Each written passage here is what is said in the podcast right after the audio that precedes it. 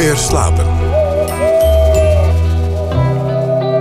Goedenacht en welkom bij Nooit meer slapen. Tot het nieuws van 1 uur praat ik met schrijver en journalist Roderick Six. Over zijn eerste boek Vloed uit 2012 zei men...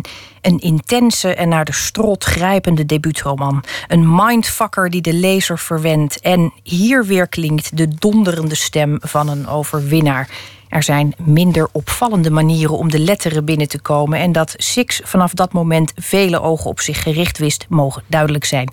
Deze maand verscheen zijn tweede roman Val. Het is een verhaal over vluchten voor of naar de duisternis. En over de soms wankele scheidingsmuur tussen de excentriekeling en de executeur. Een geheel eigen hantering van de taal, zinnelijk en stilistisch indrukwekkend.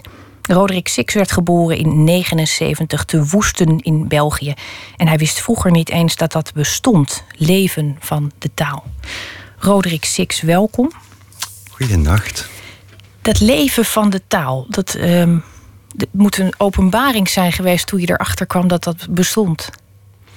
Ja, en ik herinner mij nog uh, levendig het moment waarop ik uh, het licht zag, bijna letterlijk. Um, ik zat in het middelbaar en Bart Moejaert kwam langs. Uh, dat was toen een heel succesvol, en nog altijd een heel succesvol auteur. Maar ook toen was dat een heel jonge man die met duets, met valse noten de wereld bijna heeft veroverd. En ik kwam spreken op een woensdagnamiddag, denk ik, een obligaat twee uurtjes waarin wij dan geacht werden te luisteren naar een auteur. En Bart vertelde daar zo hartelijk over en zo enthousiasmerend dat ik plots echt een vonk voelde in mijn hoofd. En ik dacht van dit kan. Je kunt boeken schrijven en daarvan leven en uh, een bestaan mee opbouwen. Um, geld verdienen is, nou, dat, dat kan nog beter, maar goed. Um, dat, je, dat dat echt een beroep is, een erkend bestaan is. Jij kwam uh, niet uit een literair gezin, heb ik begrepen. Je had een uh, vader in het bedrijfsleven ja. en een moeder als verpleegkundige. Mm -hmm. Was het wel een, een, gezin van lezers? Dat wel. Wij waren, ik weet niet of je het in Nederland nog hebt, maar uh, wij waren geabonneerd op ECI. En dan word je per kwartaal geacht een boek te kopen. En um, als je dat niet deed, dan kreeg je de maandselectie uh, opgestuurd. En dat was altijd iets heel ergs, volgens mij. Dat was een gruwel van een boek, met ook heel lelijke kaften. En, dat kreeg je dan voor straf? Dat, dus moest ik, dat is ook altijd strijd, want toen er plots ook cd's werden aangeboden, dan wou uh, zus uh, wel eens haar beurt om het lijntje in te vullen en cijfertjes over te schrijven. En dan het briefje te posten, dat was een heel gedoe. Um, dus af en toe, als je jezelf lid maakte, kreeg je uh, drie boeken gratis. En dus heb ik dat gedaan. En dan uh, kreeg ik direct Umberto Eco, Hugo Claus ehm, op, de, op de mat. En, dan en hoe mocht... oud was je dat, toen je Hugo um, Claus ging bestellen? Tien plus, zo hoop ik toch? Ja, ja, toch wel. Ik denk vijftien toch al. Ja, wat is nog een, redelijke... hele ontvankelijke leeftijd voor ja. Dat lukken. Er was een typemachine. En ja. um, toen ik dat hoorde, dacht ik. Ik, ik had als kind namelijk ook een typemachine, mm -hmm. vrij jong. En um, we gaan het straks even hebben over de zinnelijke kanten van jouw werk. En toen ik hoorde dat er een typemachine was, dacht ik, dan moet jij ook die fysieke sensatie al heel jong hebben ervaren. Dat geluid en dat gevoel van je vingers op de toetsen. En is, is, is, is dat zo? Herinner je je die fysieke kant van de typemachine? Ja, dat was ook een, een heel zwaar metalen ding. Dat was toen al ouderwets, een typemachine. Toen kwamen ook de eerste elektrische tikmachines op, wat vreselijke machines zijn eigenlijk. Gelukkig kwam daarna laptops en uh, heel hippe, mooie Apple-dingetjes. Maar die tikmachine gebruikte ik en mijn zus om uh, politiekantoortje te spelen. En dan zat ik al een hoge lessenaar um, ja, de, de, PV op te maken. Het, het verslag van de misdaad, uh, alles wat er gebeurd is. En dan ramde ik dat daarop en dat was met zo'n belletje. En dan mocht je aan dat ding tikken en dan keerde die rol. En die inkt die ook altijd en dat gehamer van die, van die kleine lettertjes op dat papier, dat was uh, schitterend. Ja. Heb je ze bewaard, die politieberichten? Zijn die er nog? Ah, dat, nee, waarschijnlijk niet. Uh, misschien gelukkig maar. Nou ja, ik kan me zo voorstellen dat het Letterkundig Museum daar nu al uh, hongerig van wordt. Woesten in uh, België. Ik vind het een fantastische naam voor een dorp. Mm. Het is een dorp, hè? Het is een dorp, ja. Kun je iets vertellen over die plek? Want daar ben jij groot geworden. Het is een dorp en dat behelst een slagerij of twee slagerijen, een voetbalterrein en een bakker. Woesten eigenlijk, was vroeger vooral bekend als de weg die je nam om richting de kust te rijden. Je, je, je zoeft er zo snel mogelijk doorheen. Um, een paar jaar geleden heeft een Belgische auteur, Chris van Steenbergen, er een roman over geschreven. En toen uh, is Woesten mij ontstolen geweest door een, uh, iemand uit Lier dan nog. Uh, wie ook in Woesten woonde was Anne Provoost. En ik herinner mij dat ik nog, toen ik dat achterhaald had in de lokale krant, ben ik mijn fiets opgesprongen en ben ik aan de deurbel gaan hangen. Zo'n woont Anne Provoost hier? Ja, nee, ondertussen woont ze in Antwerpen. Maar als ze zo op bezoek is, dan, dan bel ik je. En effectief, ik ben één keer mogen langsgaan uh, bij het ouderlijk huis van Anne waar zij dan ook was.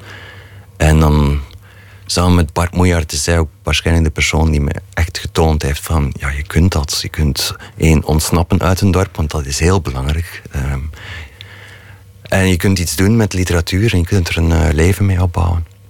Ja, dat ontsnappen uit het dorp, dat -hmm. ontsnappen sowieso, dat, dat, dat, dat komt misschien nog ter sprake. Maar eh, was jij ook zo'n zo'n jongetje dat verlangde naar de grote stad terwijl je nog in het dorp zat? Ja, ja dat, ik keek er heel hard naar uit. Uh, er was geen middelbare school in Woesten, het was uh, te klein. Dus Ieper was al een stadje. Uh, maar zelfs daar hunkerde ik al heel snel naar. Hunkering naar Ieper, dat is toch. Ja, goh, ik was blij dat ik ook uit Ieper kon vertrekken richting Leuven en uh, nu Gent en binnenkort Amsterdam. Uh, de stad, ik vind dat een heel prikkelende omgeving voor een schrijver. Je wist al heel uh, jong, dus nou ja, heel jong, dat valt wel mee. Je ontdekte dat het, mm -hmm. dat het kon mm -hmm. om schrijver te worden, om te leven van de taal. Wist je toen ook gelijk dat je de literatuur in wilde, of was het nog een. had je ook als, als alleen journalist? kunnen worden. Wist je direct dat dat het moest zijn? Ja, het was uh, direct uh, romans, boek. Uh, die stapel papier en een heel mooie kaft er rond. Een liefste harde kaft. Ehm, dat journalistieke zat er ook al in. Um, als er een schoolkrant was, dan was ik er wel bij. Um, was er een studentenblad, dan zat ik er ook wel ergens bij aan te schurken. Dus ja, het is uh, eigenlijk via die, die journalistiek en literatuur zijn zodanig verstrengeld in mijn leven dat ik ze eigenlijk. Ja, ik scheid ze natuurlijk in mijn hoofd. En er is een heel duidelijk verschil tussen journalistieke teksten en literaire teksten. Maar voor mijn job mag ik tegenwoordig al mijn oude helden als Bret Easton Ellis of uh, uh, Michel Faber gaan interviewen. Dus ik zit gewoon bij hen op de bank. En vroeger las ik al hun boeken. En tegenwoordig krijg ik daarvoor betaald. Wat uh, schitterend is. Dus ik ben er heel dankbaar voor dat ik dat mag doen en dat kan doen. Ja. Dat eerste boek dat, dat er uh, moest komen. Hoeveel, hoeveel boeken zijn er gesneuveld voordat dat er was? Uh, ik denk dat er toch wel een roman of twee halverwege gesneuveld is. Een paar slechte kortverhalen. En woedende brieven naar uitgevers die, die, die het typische beleefdheidsbriefje terugsturen. Van, Echt waar? Schreef jij woedende brieven naar uitgevers? Uh, de eerste keer niet, de tweede keer wel. Ik dacht van, ik ga, ik ga nu eens kwaad zijn. Misschien valt dat op. Maar nu weet ik dat dat gewoon ergens in een versnippermachine wordt. Dat hielp ook niet. Je bent de eerste schrijver van wie ik dat hoor. Misschien zijn er veel meer die doen, maar die geven oh, het dan niet. Wel. Ja, ik vind het uh, eigenlijk, eigenlijk wel een aanbeveling om dat eens een keer te doen. De meesten die reageren toch als een... Nou ja, als, het, als, als de geknakte strohalm die ze toch al waren eigenlijk. Nee, je moet dapper blijven voortvechten en overtuigd zijn van je gelijk. Ja. Hoe, hoe zag dat er in je leven uit? Want je, je schrijft, maar daar verdien je natuurlijk geen, geen, geen cent mee. En dan moet je, stel ik me voor, allerlei activiteiten mm -hmm. verrichten om aan dat geld te komen. Je was ook niet direct journalist? Nee, absoluut niet. Um, Wat voor baantjes zijn er zo al langs? Uh... Um, ik heb een beetje filosofie gestudeerd. Uh, toen had de schrijfmicrobe mij echt al helemaal te pakken. Uh, filosofie was ook niet helemaal mijn ding. Daar ben ik dan mee gekapt. En dan uh, eigenlijk alle interim, of jullie noemen het uitzendjobs die ik kan doen, um, aangenomen. Dat was zowel bandwerk als plakjes salami in plastic treetjes stoppen, uren aan een stuk. Ik heb met een vijf jaar met mentaal anders valide gewerkt. Wat ook een heel, dat was nog een van de dankbaarste jobs. Waar je er heel veel vreugde van terugkrijgt en erkenning van die mensen. Mentaal minder valide. Dat is anders valide. Ik anders wat valide. De, wat de politiek correcte term tegenwoordig is. Ik neem aan uh, beperkt. Ja. Uh, ja.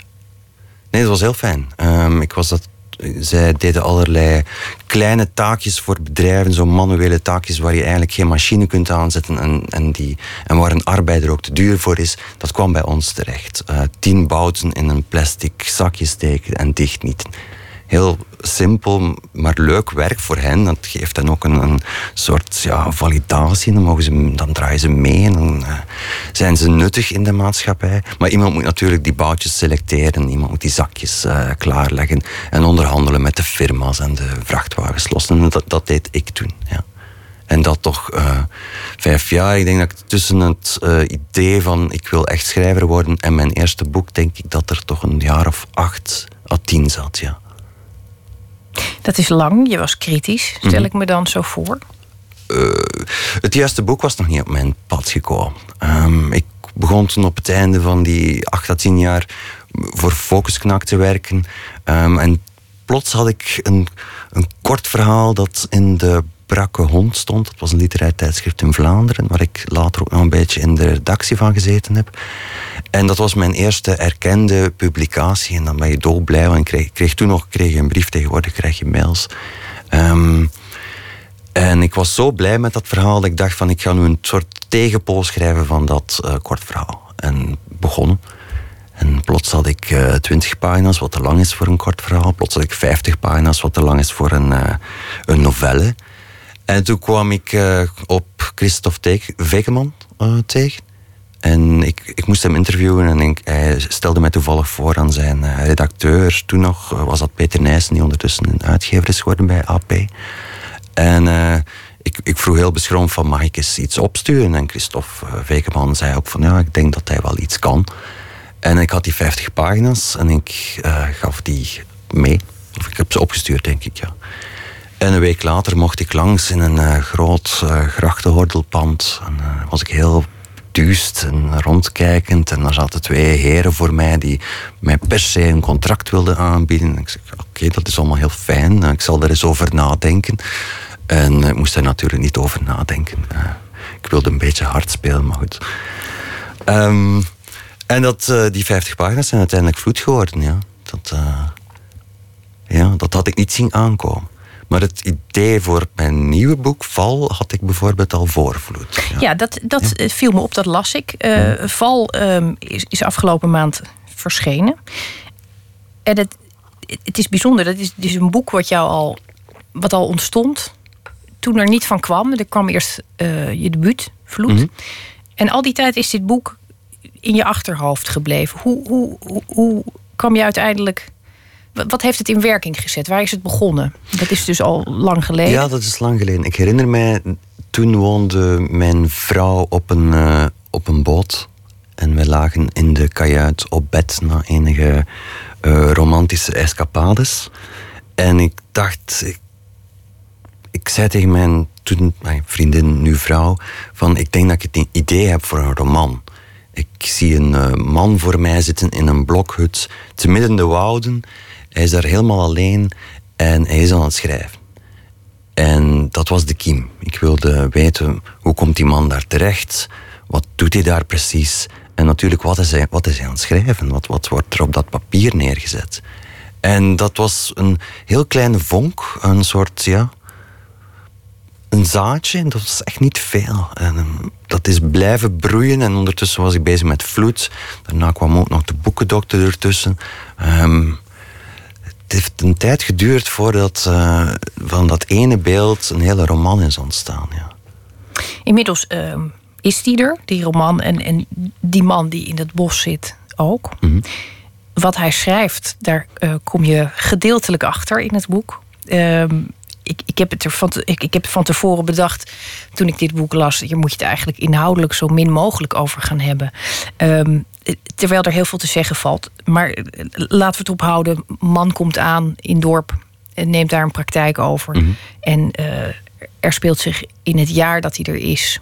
Uh, nou ja, heel veel af dat, dat, dat de hele tijd het, het midden houdt tussen griezelig en alledaags. Um, en allebei die kanten beetpakt. En de lezer daarmee ook uh, beetpakt. Ik zei het net al even, het is een heel zinnelijk boek. En ehm, waarom zeg ik dat? Het gebeurt me niet vaak dat ik een boek lees en dat ik in een uh, scène terechtkom waarbij ik zoveel fysieke ervaringen heb. Dus je gaat uh, honger voelen, de kou. Ehm, er zit een uh, prachtige erotische scène in, waar ik halverwege dacht: oh, nu wil ik er weer uit. Het gaat een hele verkeerde kant op. Um, maar dan zit je er natuurlijk al in met al je. Ik, ja, ik, ik, ik, merkte dat ik een soort warmte ging aanmaken. En dat ik dacht: oh, het wordt nu echt gezellig. Nou ja, dan kruip je helemaal in het boek en dan gaat het ineens een hele andere kant op. Wat ik me afvroeg uh, na deze ongelooflijk lange uh, inleiding over jouw, jouw werkwijze, is als je zo'n scène bedenkt, is dat iets wat je vooraf overziet of is het iets wat gaandeweg gebeurt? Want dit, dit is in die zin zo fysiek dat je bijna het gevoel hebt dat dit zin voor zin geschetst wordt. Dat is ook zo. ik schrijf mijn boeken organisch. Ik heb geen uitgelijnd plan van hoofdstukken en wat er moet gaan gebeuren in hoofdstuk 6 of uh, welk personage in hoofdstuk 3 dat moet gaan zeggen. En ik begin bij het begin, net zoals je als je als lezer uh, begint. De eerste zin is ook de eerste zin die ik opgeschreven heb. En ik werk ook zin per zin. Um, ik schrijf met de hand. En dan uh, op de achterkant van aanbiedingsfolders van uitgeverijen. Ik krijg heel veel boeken binnengestuurd. En er zit altijd zo'n wit papiertje bij met uh, dit is het boek en gelieve daar een recensie over te doen en je kan ons contacteren. De achterkant is altijd blanco.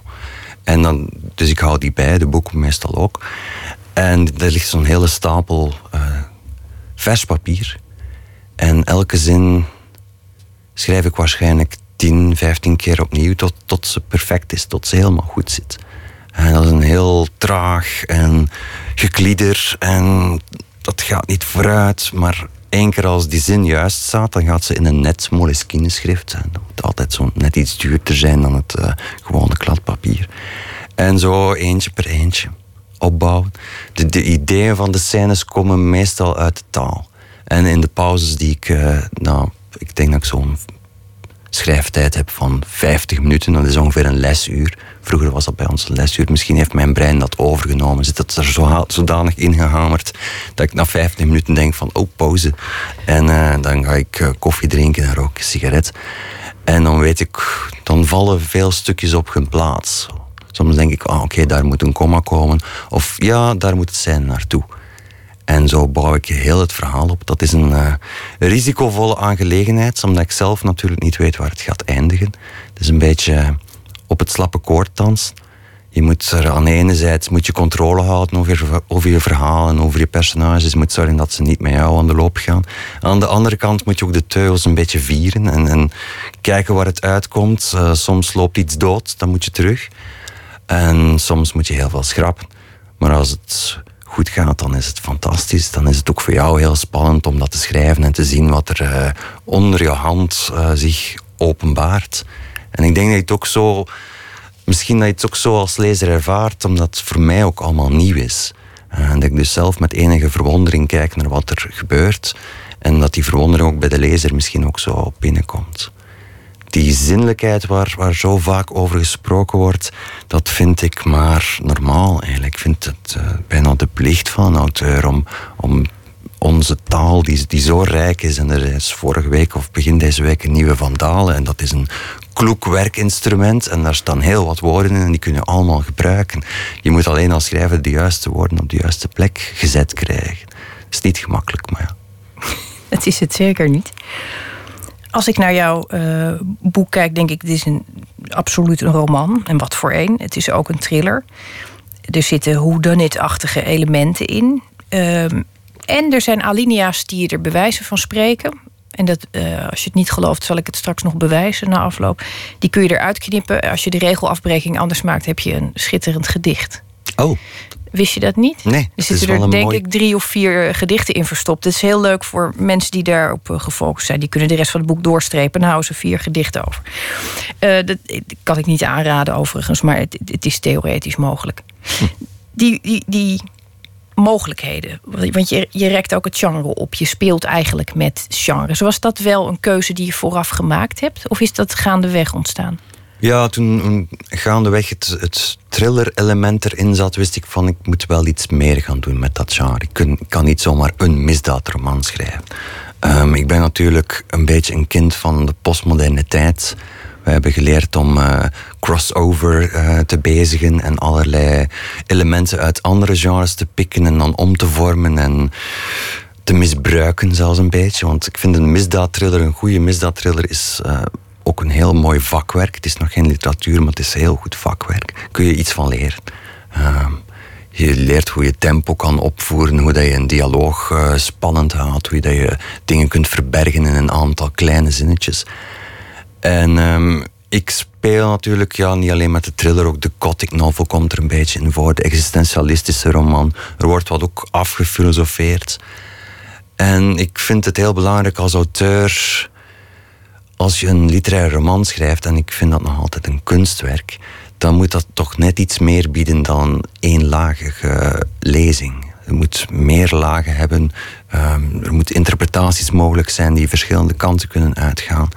En door dat misdaadgenre een beetje ja, daar de grens van af te tasten en daaraan voorbij te gaan, denk ik dat je ook als lezer bevraagd wordt van wat wil ik eigenlijk van een boek. Ik denk dat ergens in het boek is er een hele discussie over onze hunker naar een plot gedreven en afgewerkt en een perfect geordend verhaal.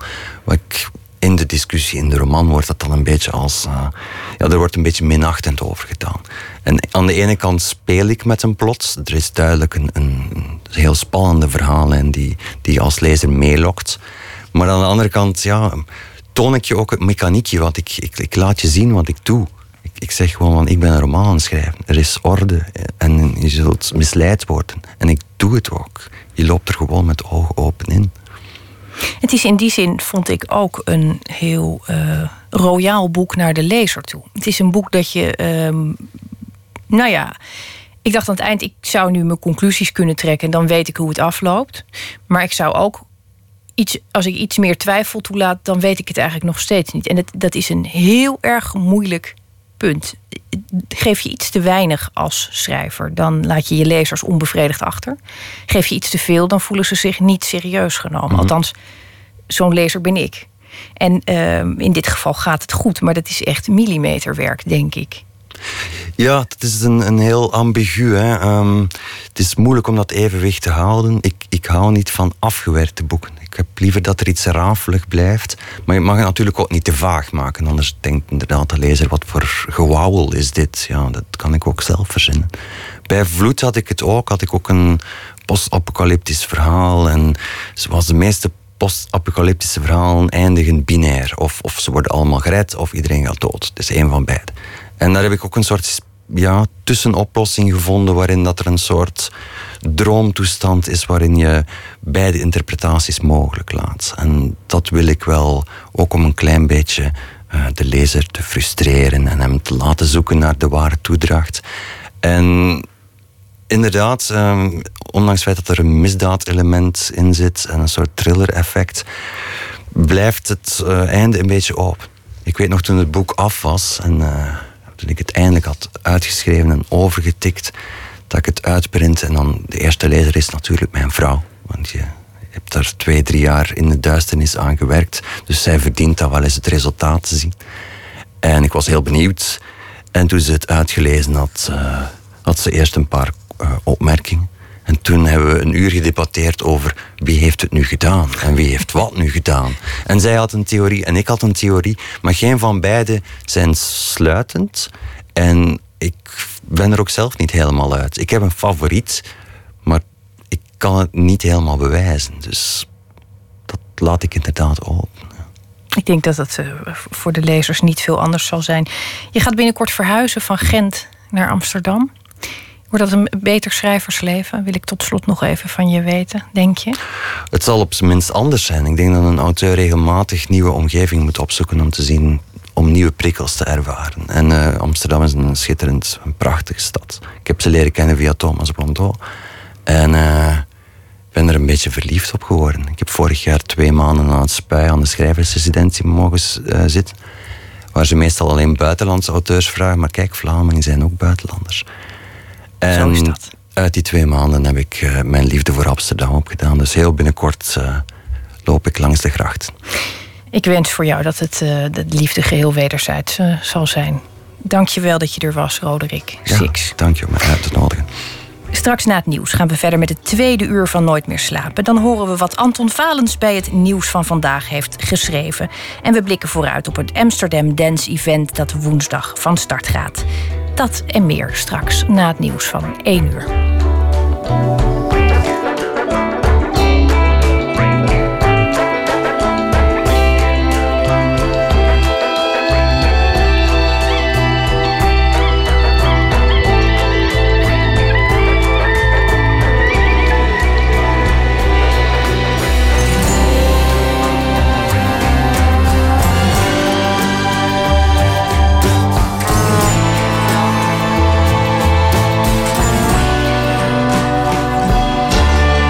Radio 1. Het nieuws van alle kanten.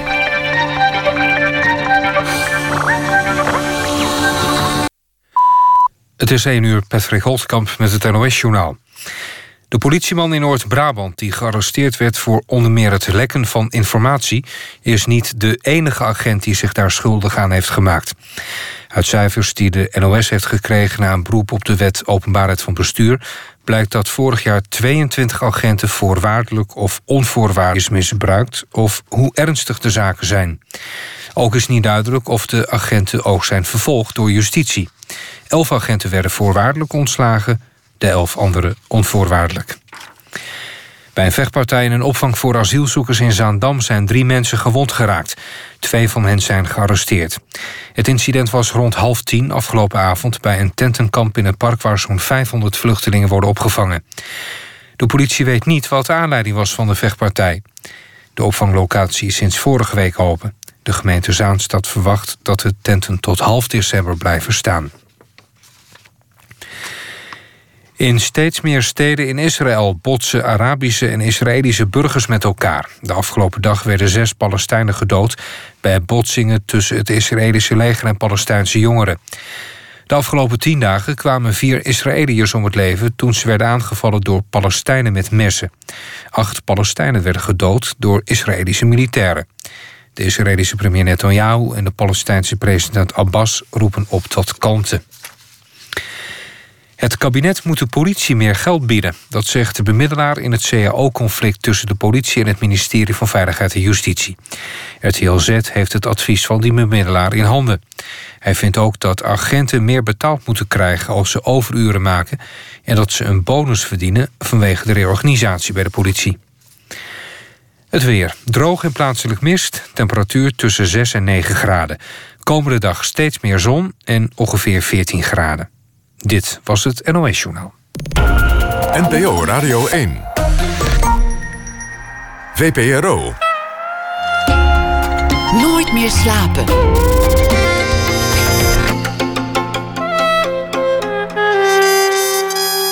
Met Esther Naomi Perquin. U luistert nog steeds naar Nooit meer slapen. De sets van Nederlandse films vallen in het niet bij die van buitenlandse. En dus moeten de decorbouwers creatief te werk gaan. Straks spreken we met fotograaf Raymond Wouda, die Nederlandse filmsets met de camera heeft vastgelegd. En we spreken met zangeres Frederik Spicht, die samen met actrice Annette Malherbe de voorstelling Elvis Never Left the Building op het toneel brengt. Over 's werelds eerste en eeuwige koning van rock and roll. Maar we beginnen dit uur met een schrijver of dichter die reflecteert op het nieuws van vandaag. En deze week doen we dat met Anton Valens. Valens debuteerde in 2004 met Meester in de Hygiëne, een roman in verhalen. Gevolgd door de bundel Dweiloorlog en de novelle Vis.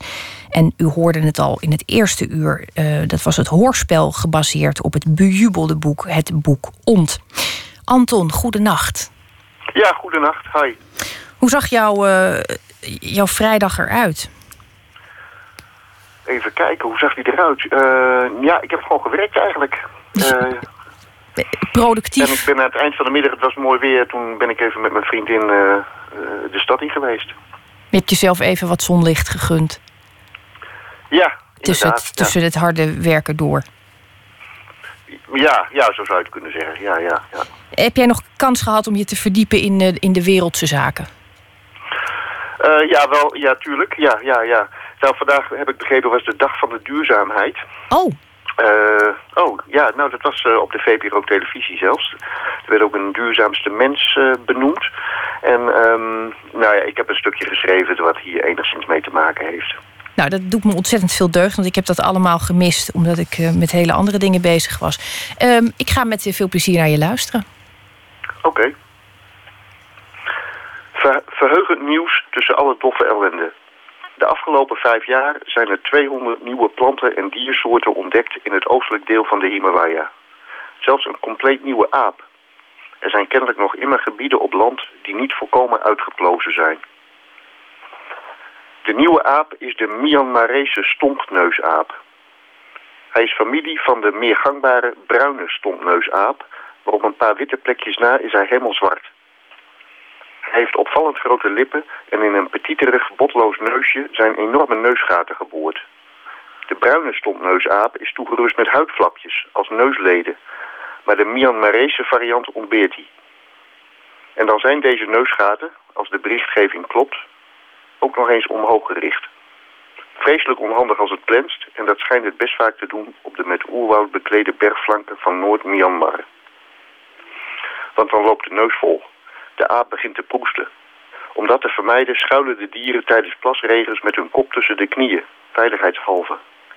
De niesklanken zijn namelijk tot ver in de omtrek te horen en trekken jagers aan. Fatsoenlijke foto's zijn er nog niet van onze nieuwe vriend. Enkel een fotomontage. De reden blijkt te zijn dat het exemplaar dat door de lokale bewoners was gevangen...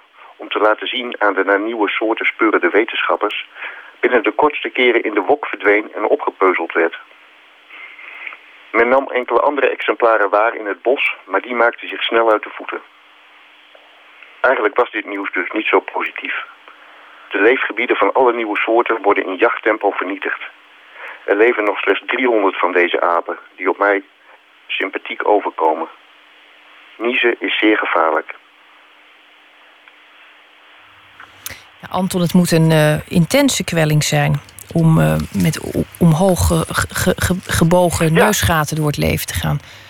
Lijkt me ook erg lastig, ja. Ja, alleen al wat er zoal invalt op een dag. ja, ja, precies. Ja, ja. Nee, dat, uh, ik begrijp, maar goed, er is geloof ik nog heel erg weinig bekend over dit dier. Ik begrijp dus ook niet wat, wat het nut van deze aanpassing, als het een aanpassing is, is. Dat kon ik ook niet vinden. Nee, nee, misschien is de, is, de, is de oorzaak van de aanpassing al uitgestorven. En daar komen we natuurlijk nooit meer achter. Wat, nee, wat dat, zou, dat zou best eens kunnen, ja. Het zou ook ja, heel tragisch zijn. En dat op de dag uh, van de duurzaamheid. Um, ja, ik, ik moet wel tot, tot mijn verdediging zeggen... want ik gaf net ruiterlijk toe dat ik helemaal niet wist... dat het de dag van de duurzaamheid was. Het is zo vaak de dag van iets... dat ik wel een beetje af en toe het overzicht uh, kwijt ben. Ja, joh, ik wist het ook helemaal niet. Het is dat ik het toevallig... Ik, ik snap, ik, eerlijk gezegd vind ik het vrij bizar al die, die dagen van. Maar dit bleek vandaag te zijn. Misschien moeten wij uh, bij deze ook de, de dag van de doodnormale dag uh, in het leven gaan roepen. ja. Waarop je dan niets hoeft te idee, doen. Ja. Ja. Ja, en ja. alleen maar normale gesprekken voert met normale mensen, ho hoewel dat nog knap uh, lastig is. Anton, uh, dank je wel voor je bijdrage deze week. En, uh, en we hopen je een andere keer weer te horen. Ja, oké. Okay, bedankt. Slaap Goeienacht. Ja, dag. Dag. All Across This Land, zo heet het nieuwe album van de Amerikaanse groep Blitzen Trapper uit Portland, Oregon. Het is hun achtste plaat en dit is een van de nummers die daarop staat en hij heet Love Grow Cold.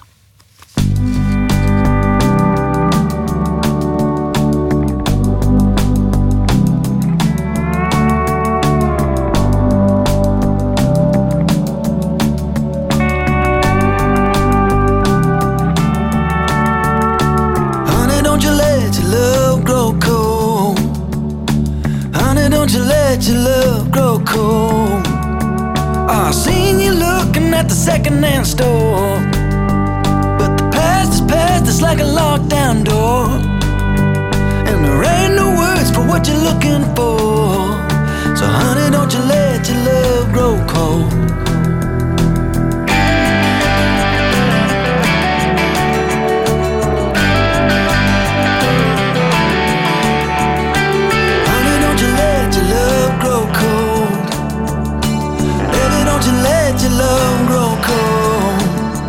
seen you on the street without your wedding.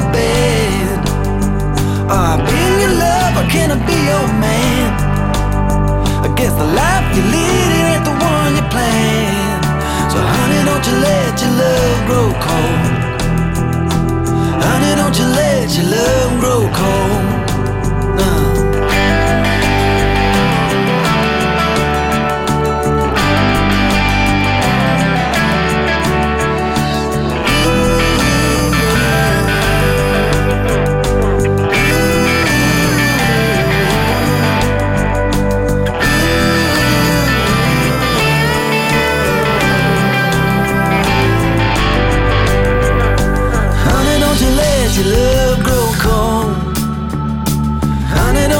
Let your love grow cold. Honey, don't you let your love grow cold. Honey, don't you let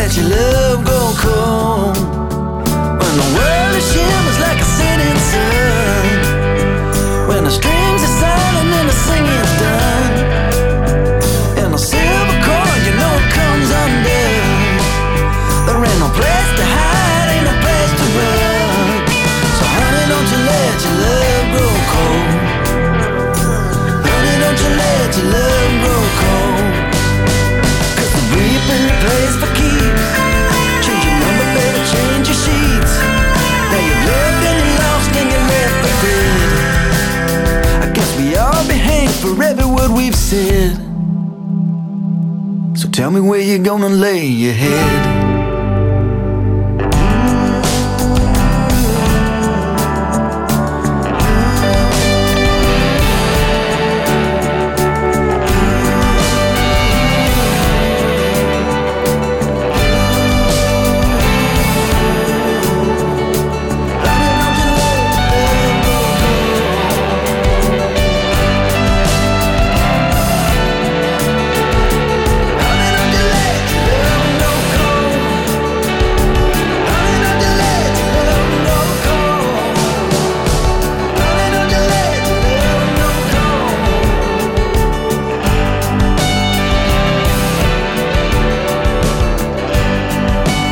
Love Grow Cold, een nummer van het nieuwe album van de Amerikaanse band Blitzen Trapper. Nooit meer slapen. Elvis, de eerste en eeuwige koning van rock and roll, zou dit jaar 80 zijn geworden. Of is het misschien zelfs geworden als je bepaalde hardnekkige geruchten wil geloven en wie wil dat nu niet? Hoe dan ook, zangeres Frederik Spicht en Annette Malherbe eren Presley met de voorstelling Elvis Never Left the Building. Maarten Westerveen zocht Spicht op in Rotterdam om te spreken over de opkomst, ondergang en wederopstanding van Elvis Aaron Presley. Evening. Elvis Presley died today. He was 42. Apparently, it was a heart attack. He was found at his home in Memphis, not breathing. En zo eindigde het leven van de meest iconische popster die we ooit hebben gehad. Zijn stem, zijn bewegingen, zijn kleding. Ook als je nog nooit een nummer van Elvis Presley hebt gehoord, herken je hem toch. Elvis zal nooit echt sterven. In de voorstelling Elvis Never Left the Building brengen zangeres Frederike Spicht en actrice Annette Malherbe een eerbetoon aan de koning. En ze beginnen hier, bij het einde. His road manager tried to revive him. He failed. A hospital tried to revive him. It failed. His doctor pronounced him dead at 3 o'clock this afternoon. We gaan in een soort timeline gaan we door zijn leven. We beginnen bij zijn overlijden. We beginnen eigenlijk bij het concert wat hij nooit gegeven heeft. Dat hoor je, audio. En zo gaan we terug in de tijd. En we hebben geprobeerd, en dat is best lastig... om ook eh, het geluid in de zaal een beetje te veranderen... naarmate het we, we naar het begin zijn van carrière gaan natuurlijk. en dat is dus toch wel boeiend, vind ik zelf. En we hebben ook het repertoire daar natuurlijk op aangepast. Je krijgt ook op een gegeven moment zo'n slapback echo, weet je wel? Wat je vroeger hoorde toen dat rockabilly echt zijn stijl was. En ja, ik denk dat dat toch boeiend moet zijn. Als je van muziek houdt, dan is het ook wel leerzaam, denk ik. Hoe zorg je dat die impact die het toen had, dat je dat nog enigszins kan vertalen naar nu? Ja, dat is een goede vraag. Ik weet ook niet of me dat gelukt is. Ik heb gisteren de eerste try-out gedaan. Of misschien moet ik niet gisteren zeggen, want Dit wordt vanavond uitgezonden, dus dan kan ik dat wel zeggen. Ik kan je nagaan, ik ben al helemaal geconditioneerd voor radio en televisie. Ehm, ik weet niet of ik dat over kan brengen, maar ik heb wel een poging gewaagd. Maar wat ik vooral eigenlijk gewild heb, uh, is gewoon een hele fijne avond voor iedereen. En alles wat je meepikt daaruit uh, over de historie, dat is toch ook meegenomen, vind ik. Het, is gewoon, het was echt bijzonder, want je hebt dan al die ideeën om dat allemaal in te brengen. En dat is heel moeilijk om dat in twee keer drie kwartier te doen. Want hij had een gigantisch repertoire. Hij heeft 1,6 miljard platen verkocht. Het is onwaarschijnlijk veel gewoon. Dat is een schatting, het kan nog meer zijn eigenlijk. Ja, dan probeer... Wij gingen dus spelen en in 10 minuten tijd stond de hele zaal op zijn kop. Nou, dat had ik echt niet kunnen bevroeden. Dus dat was wel waanzinnig leuk. Ik keek zo naar mijn toetsenist. Wij keken elkaar aan van waar, zijn we in beland? Wat is dit? Maar zo zie je maar hoeveel... wat die muziek teweeg kan brengen. Begrijp je? Het is, het is zo oer eigenlijk. Zo bijzonder. Het is ook heel gek dat je... Je kan het haast niet onder woorden brengen wat het met je doet. En wat het met mij doet, dat is lastig als ik dat op de radio moet zeggen. Maar Bedoel je dan wat het met jou doet als je daar op het podium staat of als je ernaar luistert? Ja, dat ook. Elvis zei bijvoorbeeld zelf van ja, ik, ik, kan, ik kan niet anders dan zo. En dat is waar, die muziek die maakt gewoon dat je benen gummy worden of zo. Ik weet het niet. Het heeft toch echt wel effect op je. Het is ook altijd erg blij. Ook al zijn er toch al een paar droeve songs tussen. Op een of andere manier is het ook heel blij. Blije muziek. Als ik zelf schrijf, dan zitten er toch van de tien songs altijd wel vier zwaar gedeprimeerde liederen tussen. Maar dat, dat is nu gelukkig niet aan de hand. Well, bless my soul, what's wrong with me? I'm itching like a man on a fuzzy tree. My friends say I'm acting wild as a bug. I'm in love. I'm all shook up. yeah, yeah. Ik, ik, hij wilde zo ontzettend graag zingen, bijvoorbeeld. Het was echt een zanger. Hij wilde zingen, dat was wat hij wilde. En daarin hoor je echt die on, totale onbevangenheid. Het, het, is een totale overgave, hoor je in zijn stem aan die muziek. En dat is werkelijk geweldig mooi, vind ik. En ik denk eerlijk gezegd, ja, dat kan je bijvoorbeeld... vind je dat ook terug bij Joplin. Janis Joplin, die, die ging los gewoon als ze kon zingen. En ja, waarschijnlijk is dat dan ook... Uh, heb je toch niet het harnas en de, de taaie huid...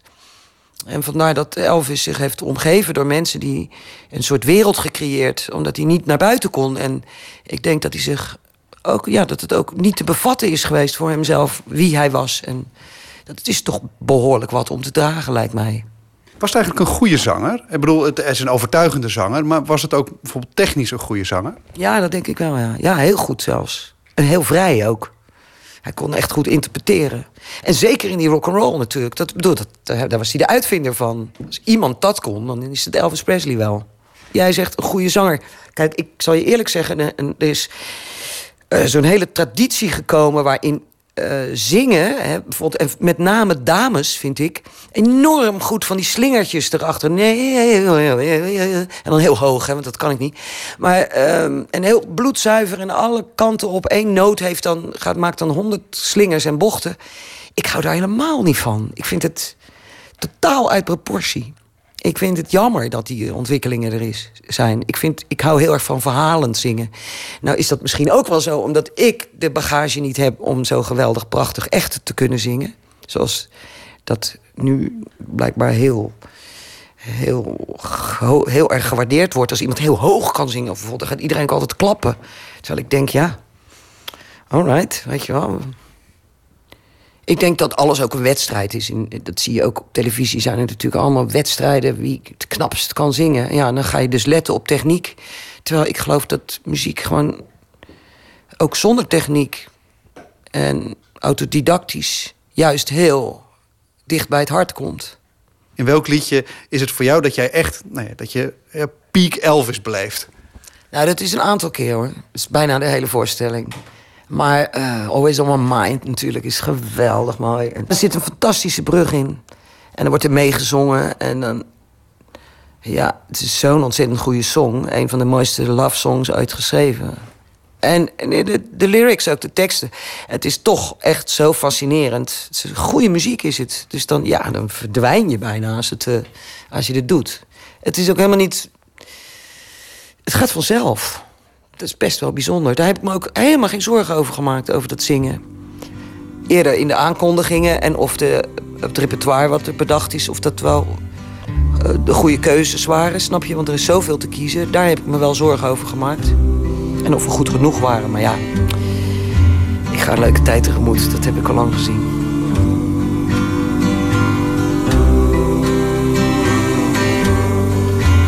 Is your heart filled with pain?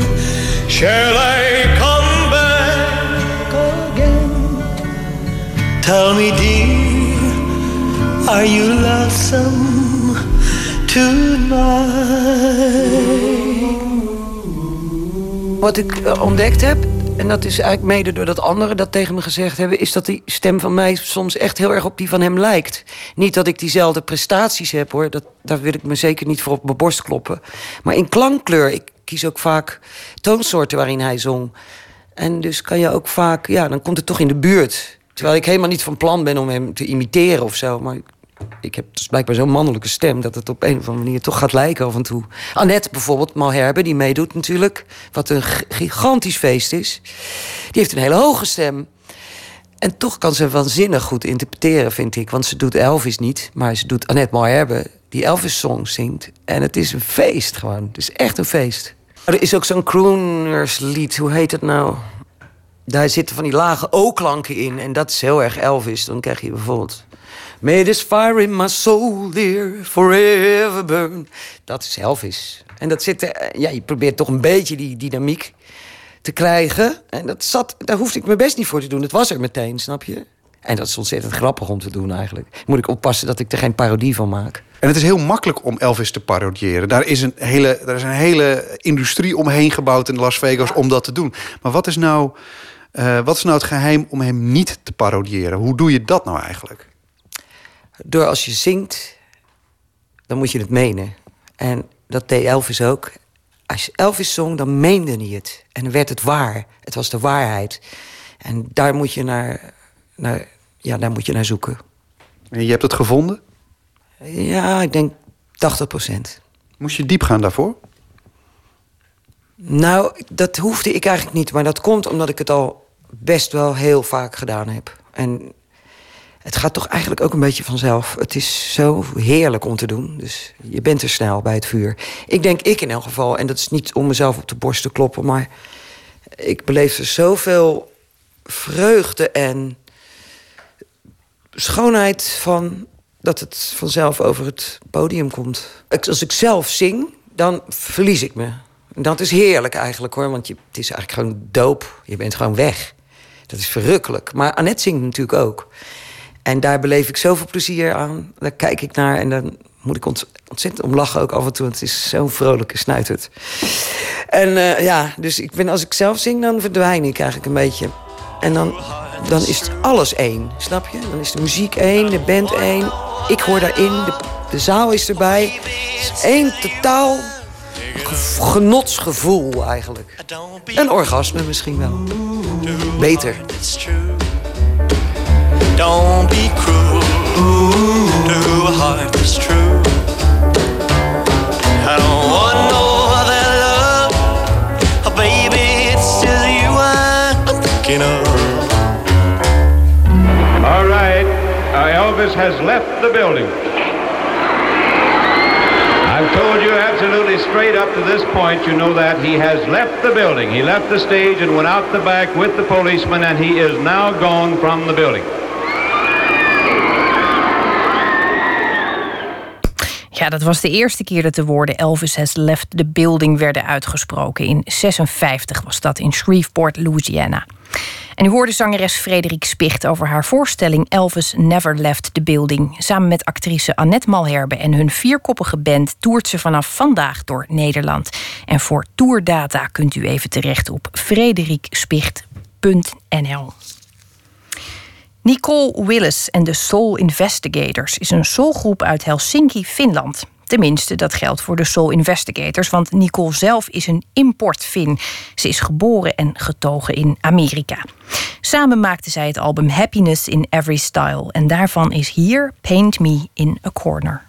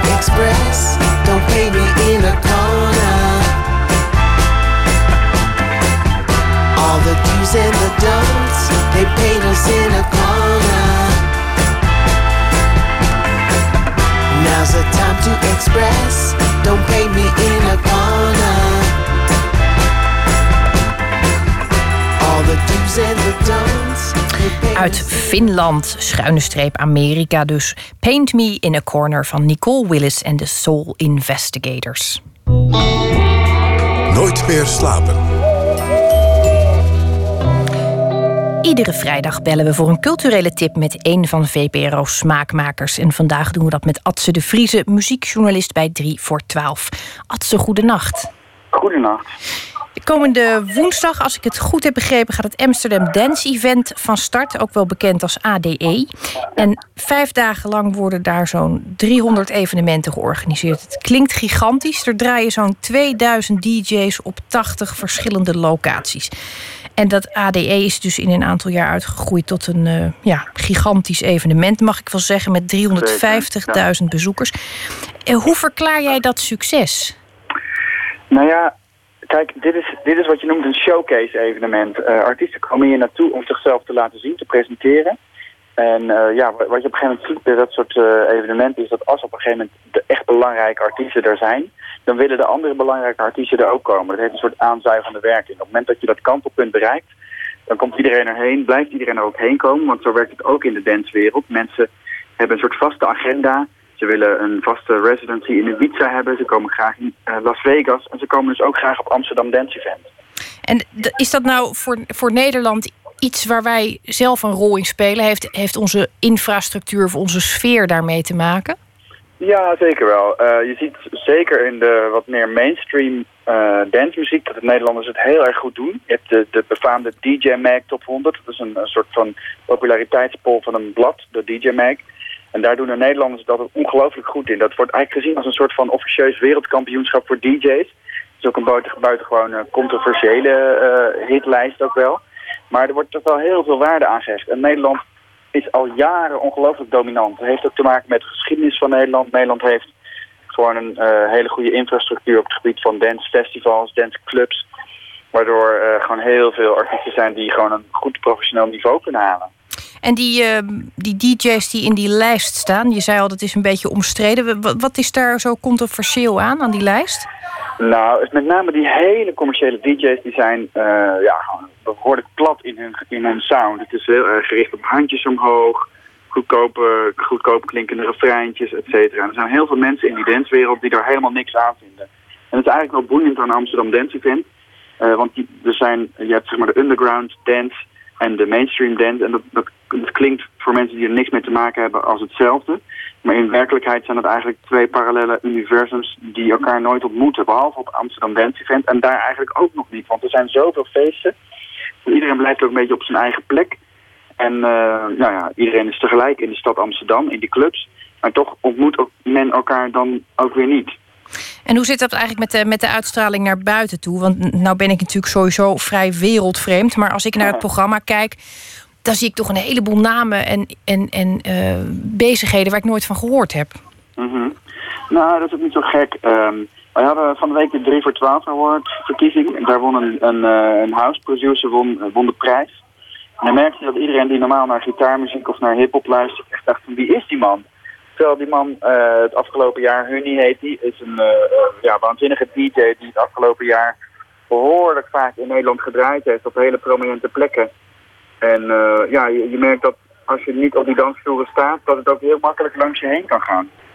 Ja, het- ik denk dat voor de leek het, het verschil tussen de underground en de, en, de, en de mainstream dan ook best lastig te maken valt. Absoluut. Ja, dat is niet uit te leggen. Je kunt niet uitleggen wat het verschil is tussen een underground DJ en een grote mainstream eh, artiest als Armin van Buren. Dat is gewoon, eh, ja, voor de leek is dat gewoon boem, boem, boem en eindeloos door. Ja. Hey, eh, vijf dagen dus. eh, dance op allerlei locaties in Amsterdam. Waar ben jij zelf eh, te vinden? Nou, het goede van Amsterdam Dance Event vind ik wel dat het is niet alleen een showcase voor de artiesten, maar het is ook een showcase voor de clubs van Amsterdam die heel graag willen laten zien dat zij bijzondere plekken zijn waar het echt gebeurt. Veel veel mensen uit de internationale industrie komen naar de stad toe. Dus ze, ze willen zich ook laten zien. Dus plekken als uh, een club als Radion bijvoorbeeld, een hele bijzondere underground club. Ja, die wil zich gewoon graag laten zien. Zelf ga ik uh, bijvoorbeeld naar uh, het muziekgebouw aan het IJ. En dat is eigenlijk niet echt een clublocatie. Ik ben er zelf wel heel erg benieuwd naar hoe dat dan uit gaat pakken. Ja, maar daar dat is lijkt een mij ook. showcase. Ja, dat is op zaterdagavond een showcase van een label uit Berlijn. Dat heet Life and Death. Het is een, een, een, een, een house label waar uh, ja, het emotioneel geladen, licht melodieuze muziek gemaakt wordt, maar die altijd een soort donker randje heeft. En um, ja, ik ben heel benieuwd hoe dat uit gaat pakken, want het muziekgebouw in aan het IJ is toch een ja, vrij keurige concertzaal met, met van die mooie steriele gangen. Dat is geen betonnen bak zoals je graag bij een, uh, een, een underground club zou willen zien. Ik denk dat het muziekgebouw aan het IJ best een donker randje hier en daar kan gebruiken. Ik hoop het. Ja, zeker. Ja. Is er nog iets waar je speciaal naar uitkijkt? Ja, nou dat dus. Wat ik, wat ik echt heel interessant vind, is zeker op die zaterdagavond en op die vrijdagavond is er zo ongelooflijk veel aan de gang in Amsterdam. Um, ik ben heel benieuwd. Uh, ik ga zelf echt van links naar rechts. Ik ga ook naar die DJ Mag uitreiking. Waar je de alle grote kanonnen ziet. Ik ben heel benieuwd wat voor mensen je daar gaat treffen. Ik ben daar zelf eigenlijk nog nooit geweest. Uh, en ja, ik, vind het, uh, ik vind het heel bijzonder om te zien uh, altijd wat voor mensen ook vanuit het buitenland naar zo'n evenement toe komen. Uh, zeker Amsterdam heeft de afgelopen jaren echt gewonnen als je het bekijkt op een soort van, ja, laten we het zeggen, technotourisme. Dat moet je niet onderschatten, denk ik. Er zijn, zeker in de zomer, elk weekend in Amsterdam zijn er festivals gaande waar 10.000 mensen op afkomen minimaal. En dat is gewoon voor de stad Amsterdam een behoorlijk interessante bron van inkomsten ook. En daar wordt op Amsterdam Dance Event ook zeker op gecapitaliseerd. Technotourisme. Nou, ik ga die term onthouden. Ik vind hem heel mooi. Het, uh, het, het, valt op dat er naast veel nieuwe geluiden ook steeds vaker uh, oude rotten te zien zijn die hun kwaliteit gewoon lang vast kunnen houden. En uh, morgen, zaterdag bijvoorbeeld, wordt op NPO 3 de documentaire Daft Punk Unchained uitgezonden. Wat kun jij ons daarover vertellen? Nou, Daft Punk is, is echt een van de grote iconen, maar het zijn echt raadselachtige Fransen. Het zijn twee mannen die altijd gehuld gaan onder uh, maskers. Niemand weet nog hoe ze eruit zien. Ze hebben ooit lang geleden, ergens in de jaren negentig, traden ze nog eens op zonder maskers. Daarna nooit meer. Niemand weet het ook. Ze hebben bij hun laatste album, dat een jaar of twee geleden verscheen, ook überhaupt niet opgetreden. Ze zijn heel erg uh, raadselachtig dus, maar, maar wel ongelooflijk invloedrijk. Onder andere in de manier waarop ze disco-muziek uit de jaren zeventig verwerken tot iets heel erg nieuws. En disco, de oude disco, komt heel erg terug op de dansvloeren van nu, vermengd met nieuwe muziek. Dus Daft Punk, een van de absolute iconen van de afgelopen twintig jaar in de elektronische muziek. Ik begreep ook dat zij uh, veel te maken hebben gehad met de ontwikkeling van, uh, van, muziek. Als je bijvoorbeeld naar House kijkt, dat nu 25 jaar bestaat. Ja. Dat er toch altijd weer oude elementen terugkeren en worden ja. herontdekt. Ja. Dat is een documentaire die we moeten kijken. Ik, ik heb de film zelf nog niet gezien. Ik vind het wel spannend eigenlijk. Ja, het is gewoon sowieso een van de absolute uh, bijzondere acts die er zijn. De laatste keer dat ze in Nederland speelden is ook alweer uh, bijna tien jaar geleden. En dat staat toch wel te boek als een hele bijzondere show. Uh, ik, ik ben heel benieuwd naar die documentaire. Dan gaan we hem samen kijken, Adse. Dank je wel voor je, voor je bijdrage deze week. En ik wens je heel veel plezier de komende dagen. Ja, yes, het gaat goed komen. Aankomende week dus vindt van woensdag 14 oktober tot zondag 18 oktober het Amsterdam Dance Event plaats op verschillende locaties in Amsterdam. En morgen wordt om half elf de documentaire Daft Punk Unchained uitgezonden. En voor meer informatie en achtergronden kunt u natuurlijk terecht op 3 voor 12.vpro.nl. Hier is muziek uit 1996. Van hun tweede studioalbum The Bands is hier de Britse band Radiohead met Street Spirit Fade Out. Volgens zanger Tom York een van de droevigste liederen die hij ooit geschreven heeft.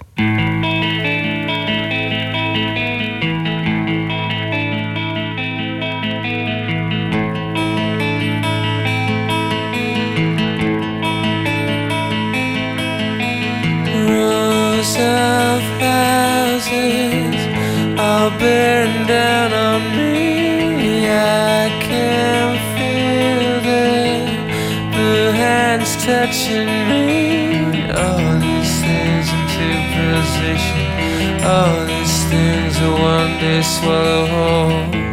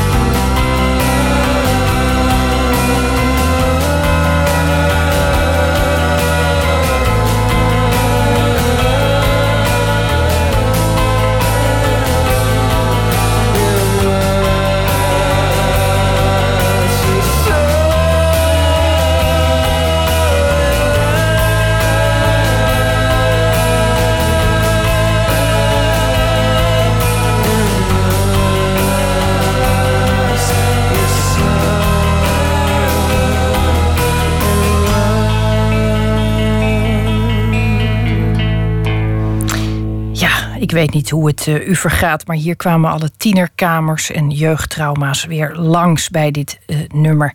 U hoorde Radiohead met Street Spirit Fade Out.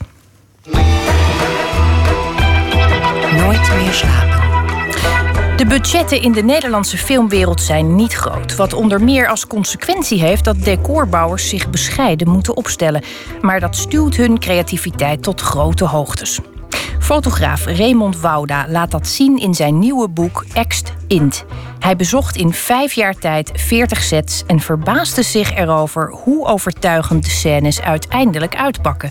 Botte Jellema zocht hem op. Ja, kom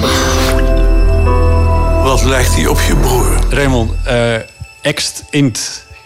Dat is vast een term uit uh, de filmwereld. Ja, dat klopt. Mama, heb ik een broer? Het is een term die gebruikt wordt in, uh, in scenario's. Mama, niet zo staren naar die meneer. Bij elke scène die ze gaan draaien, staat als eerste ext of int. En dat staat voor exterieur, interieur. Ik ga proberen om jou hieruit te krijgen, Ray. Is het dan zo simpel dat het betekent of het binnen of buiten gedraaid wordt? Ja, zo simpel is het.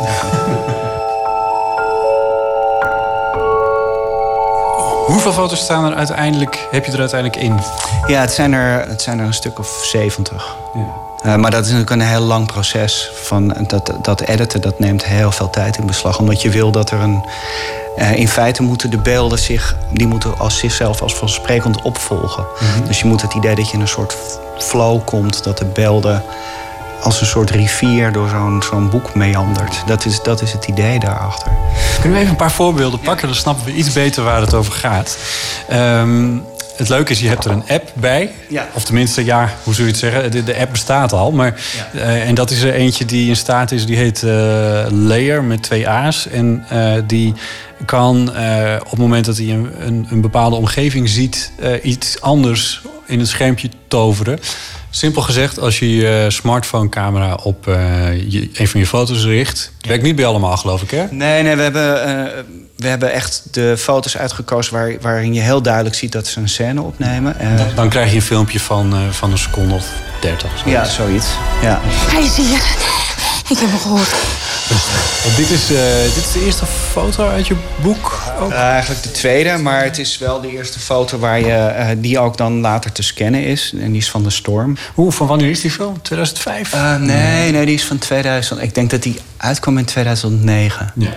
Maar het grappige is, dit die foto, je denkt dat je in Zeeland bent, maar die, dat is in België. Oh. Uh, want uh, in Zeeland uh, mochten ze de dijken niet doorsteken, omdat dat te veel um, consternatie bij lag te gevoelig. Ja. En wat we op de foto zien is een huisje wat zo te zien enigszins in het water staat, met een vlonder erop, daarachter of naast.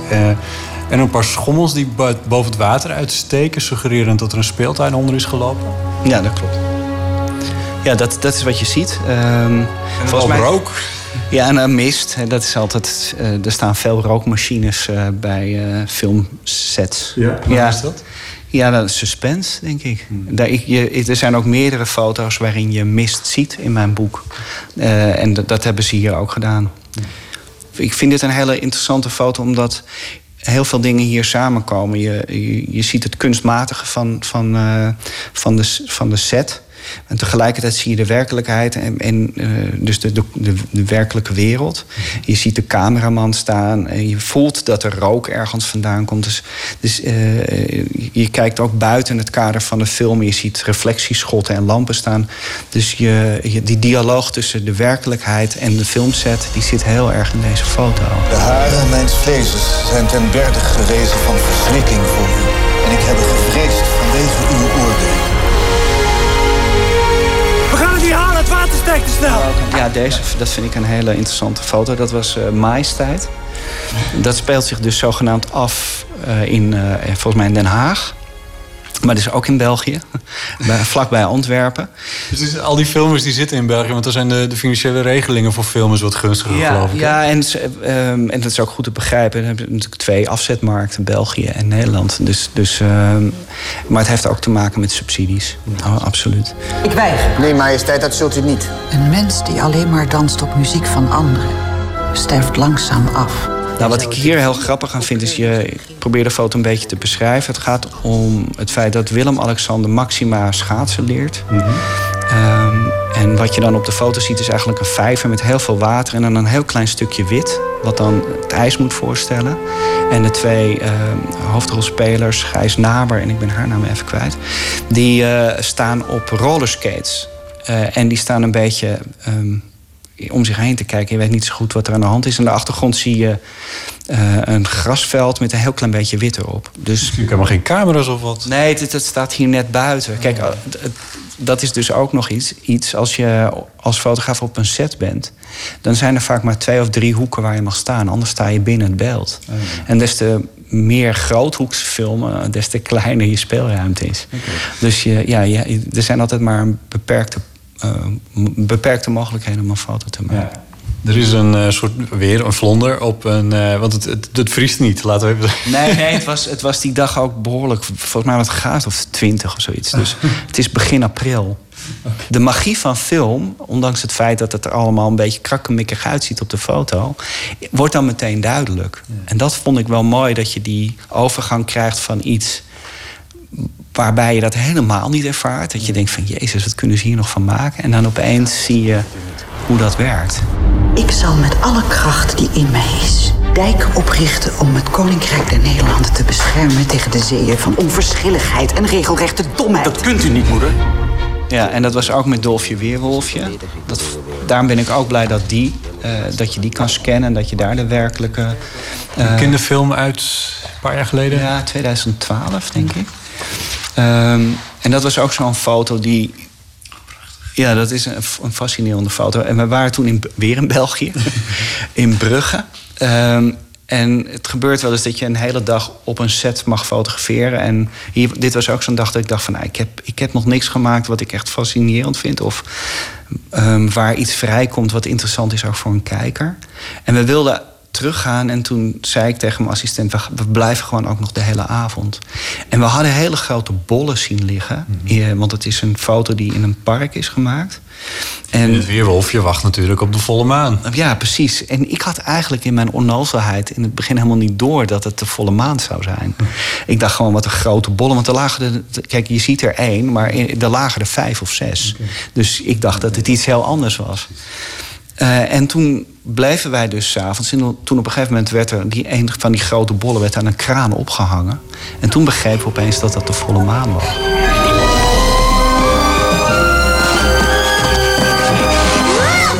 Maar als je dan de foto's ziet en dan zie je gewoon een muziekkraampje... en je ziet een, een, een hijskraan waar een grote bol aan hangt. In een bos? In een bos, ja, in een park. ja. ehm, maar als je dan niet de werkelijke filmscènes ziet... dan weet je niet precies wat er aan de hand is. En ik vind het eigenlijk wel mooi om, om die link wel te kunnen leggen. Dat je weet wat het is. Eh, terwijl de magie van de foto daarna niet verloren gaat. Dus het, het is niet zo dat je een geheimprijs geeft... en dat dan meteen de foto afbrokkelt. Het, het blijft een soort parallel universum, eh, de foto's zelf. Maar kom, we zijn natuurlijk ook niet onnozel. We weten in de, in de, als we naar de film gaan, weten we ook wel dat we in de maling genomen worden. weten Ja, we zien het alleen eventjes niet. Of we willen het even niet zien. Nee, maar dat komt omdat je in de werkelijkheid van de film stapt. En de film is geloofwaardig, als het goed is. Tenminste.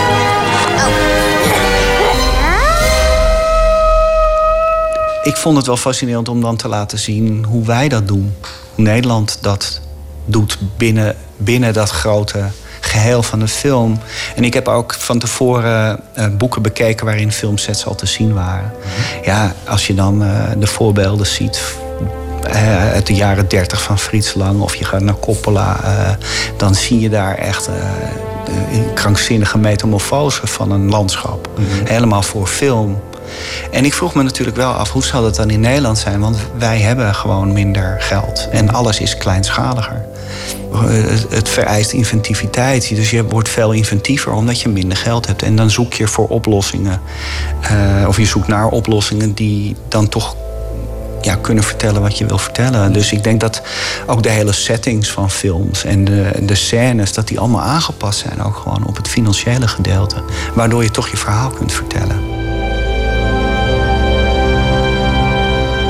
Ik wilde wel degelijk ook een signaal afgeven. Ik, ik, ik hoop ook dat het gewoon in het buitenland landt. En uh, ook mensen die. Er zijn natuurlijk heel veel mensen geïnteresseerd in film, ook in het buitenland. Dat die daarmee ook uh, een andere kijk op, op de Nederlandse film uh, krijgen. Dat het is toch een, ja, een kijkje achter de schermen van hoe dat werkt. En dat je ook tegelijkertijd ziet hoe iets gemaakt wordt. Dus ik kan me voorstellen, het is toch een beetje exotisch, denk ik, voor buitenlanders. Uh, en op het moment dat je ook iets van het scenario leest en je kan ook stukjes film zien, dan zie je ook hoe dat, ja, hoe, zo'n maakproces uh, in werking is uh, getreden en hoe dat heeft uitgepakt. En dat vind ik wel mooi om te laten zien.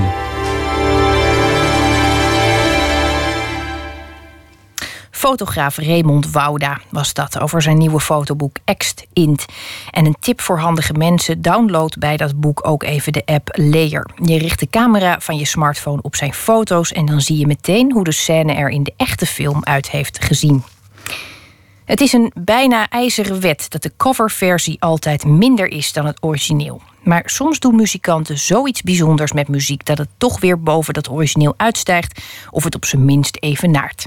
Zo ook met de Noorse zangeres Suzanne Wallemrod en haar Magic Orchestra, die een prachtige minimale versie maakte van de Joy Division klassieker Love Will Tear Us Apart.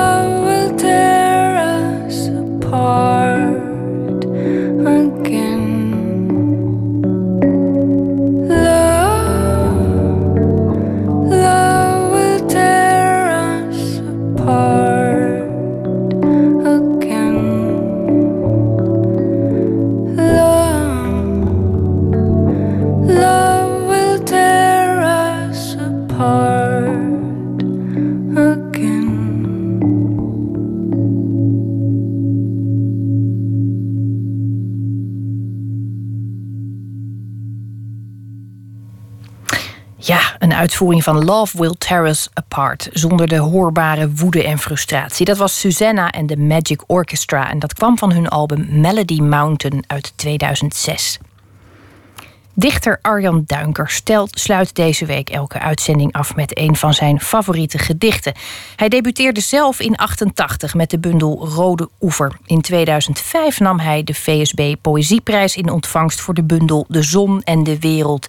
En zijn meest recente bundel heet Buurtkinderen. Dus een lekkere, dikke, vol met mooie gedichten. Ter afsluiting van de reeks Een eigen gedicht. U hoort Arjen Duinker met De leer van het geldig redeneren.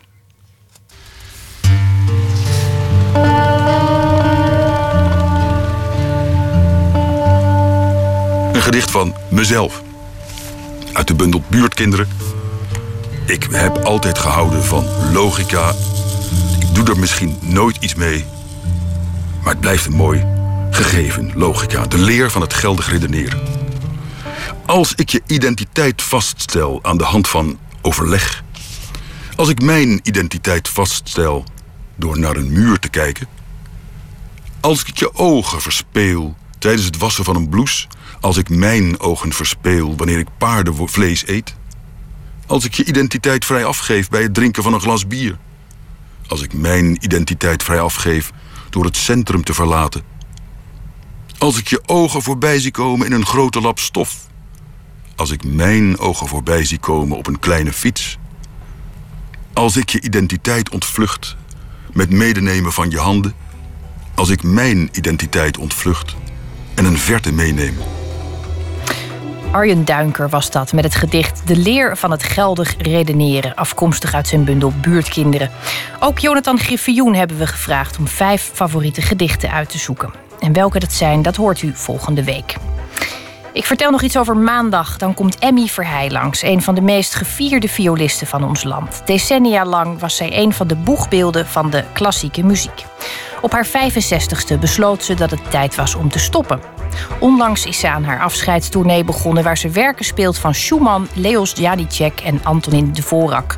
Ook verscheen het boek Viool, Vriend en Vijand... waarin haar loopbaan en de haat-liefdeverhouding met dat instrument wordt beschreven. Dat onder meer maandag en dan zit Anton de Goede hier. Straks kunt u luisteren naar Woord. En dan gaat het over vrijheid. Ik wens u voor nu een mooie nacht. Het nieuws van alle kanten.